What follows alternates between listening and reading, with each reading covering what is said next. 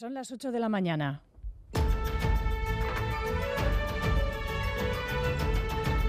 Crónica de Euskadi con Aichiber Bilbao. Egunon y son ya 2.000 las personas fallecidas en el seísmo que sacudió la noche del viernes Marruecos. Hay otros tantos heridos. El balance es, por tanto, aún provisional. El país está en emergencia, activado incluso el ejército en las labores de búsqueda a contrarreloj, búsqueda de las personas que puedan estar sepultadas entre los escombros. El país ha decretado tres días de luto. En esta crónica de Euskadi fin de semana conectaremos en directo con nuestro compañero allí desplazado, Miquel Ayestarán. Acaban de aterrizar en Loyu los primeros turistas vascos de regreso de Marrakech, aún con el susto en el cuerpo, testigos del caos no se creían lo que estaban viviendo. Y de repente escuchamos que la gente corriendo, que el suelo se empezaba a mover, que caían piedras del cielo. Mucha gente llorando, mucha gente sin casas también en los parques. Estábamos por la calle y no estábamos en el hotel. Fuimos a la plaza porque era el sitio más seguro. Fuimos al aeropuerto caminando y hemos pasado dos noches allí. La zona es especialmente frágil, activa sísmicamente. Lo ocurrido no se podía prever, según en declaraciones a Euskal Televista el geólogo Asier Hilario, coordinador científico del Geoparque Vasco, que casualmente se encontraba en un congreso científico allí, en Marrakech. Por esta falla específica, que es una falla inversa, eh, pues era algo que ni siquiera había registro ni, ni siquiera se esperaba que, que, pudiera ocurrir.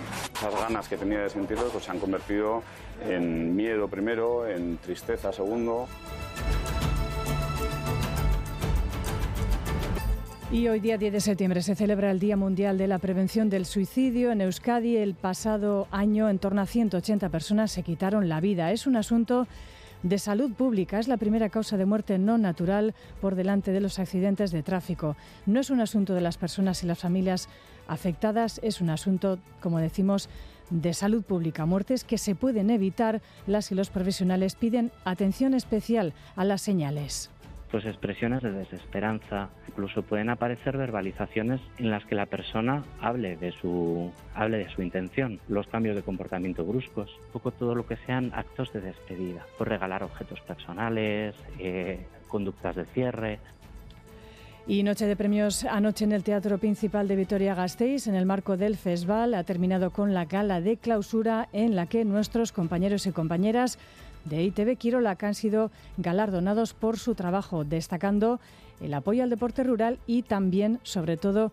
al deporte femenino. Joseba Orquiola. El deporte femenino, poco a poco, que está evolucionando y nosotros, eh, para nosotros es un objetivo muy importante. Vale. Precisamente vamos con la actualidad eh, de los deportes en esta jornada de domingo 10 de septiembre, día crucial para los aficionados al remo y nuestras eh, estropadas, nuestras regatas. Em, nuestro compañero John Zubieta nos ofrece el avance deportivo. Gunón. Bueno, comenzamos hablando de remo, de la segunda jornada de la bandera de la Concha, que se presenta apasionante con las escasas diferencias existentes entre las embarcaciones, tanto en categoría masculina como femenina. En ciclismo, Benepul se impuso en la decimocuarta etapa de la Vuelta a España, con final en Larra Belagua. Castroviejo fue cuarto. Hoy la jornada arranca en Iruña y termina en Lecumberri. En fútbol, el Eibar cayó 1-0 en el plantío a consecuencia de un penalti. El Eibar es último con un triunfo y cuatro derrotas. Por su parte, la Morevieta se enfrenta al Racing en la capital a partir de las 4 y cuarto. En pelota destacamos que Ansa se hizo con el título individual de remonte tras ganar a Juan Enea por 30-17. Y en el Masters CaixaBank en Viana, triunfo de Peña Rezusta ante la Razabal y por 22-15 se clasifican para las semifinales. El torneo continúa esta tarde en Galdacao con el Jaca Martija, Altuna y Maz. En balonmano destacamos el empate a 26 del Vidasoa ante el Barcelona Nartalecu en el estreno en la Liga Sobal del equipo de Irún. Además, el Anaitasuna cayó 24-21 en Cuenca frente a la Ciudad Encantada y el Veravera se hizo con la Supercopa Ibérica tras superar al Málaga en la tanda de penaltis y un apunte de tenis. Coco Gauff ganó en dos mangas a Sabalenka en la final del Abierto de Estados Unidos. Tiempo ahora para conocer cuál va a ser la previsión del tiempo estas próximas horas. Jayone Munarriz, Euskalmete, Unon. Caixo Egunon, hoy seguiremos con calor y bochorno, pero las máximas podrían bajar un par de grados en el norte, sobre todo en la costa, donde se quedarán debajo de los de 30 grados. Además del calor, la inestabilidad tendrá continuidad, así que también se esperan hoy chubascos y tormentas, sobre todo a partir de la tarde. Así que en general, la mañana y primeras horas de la tarde van a ser bastante tranquilas. Algún chubasco ocasional se puede producir, pero en general tiempo tranquilo.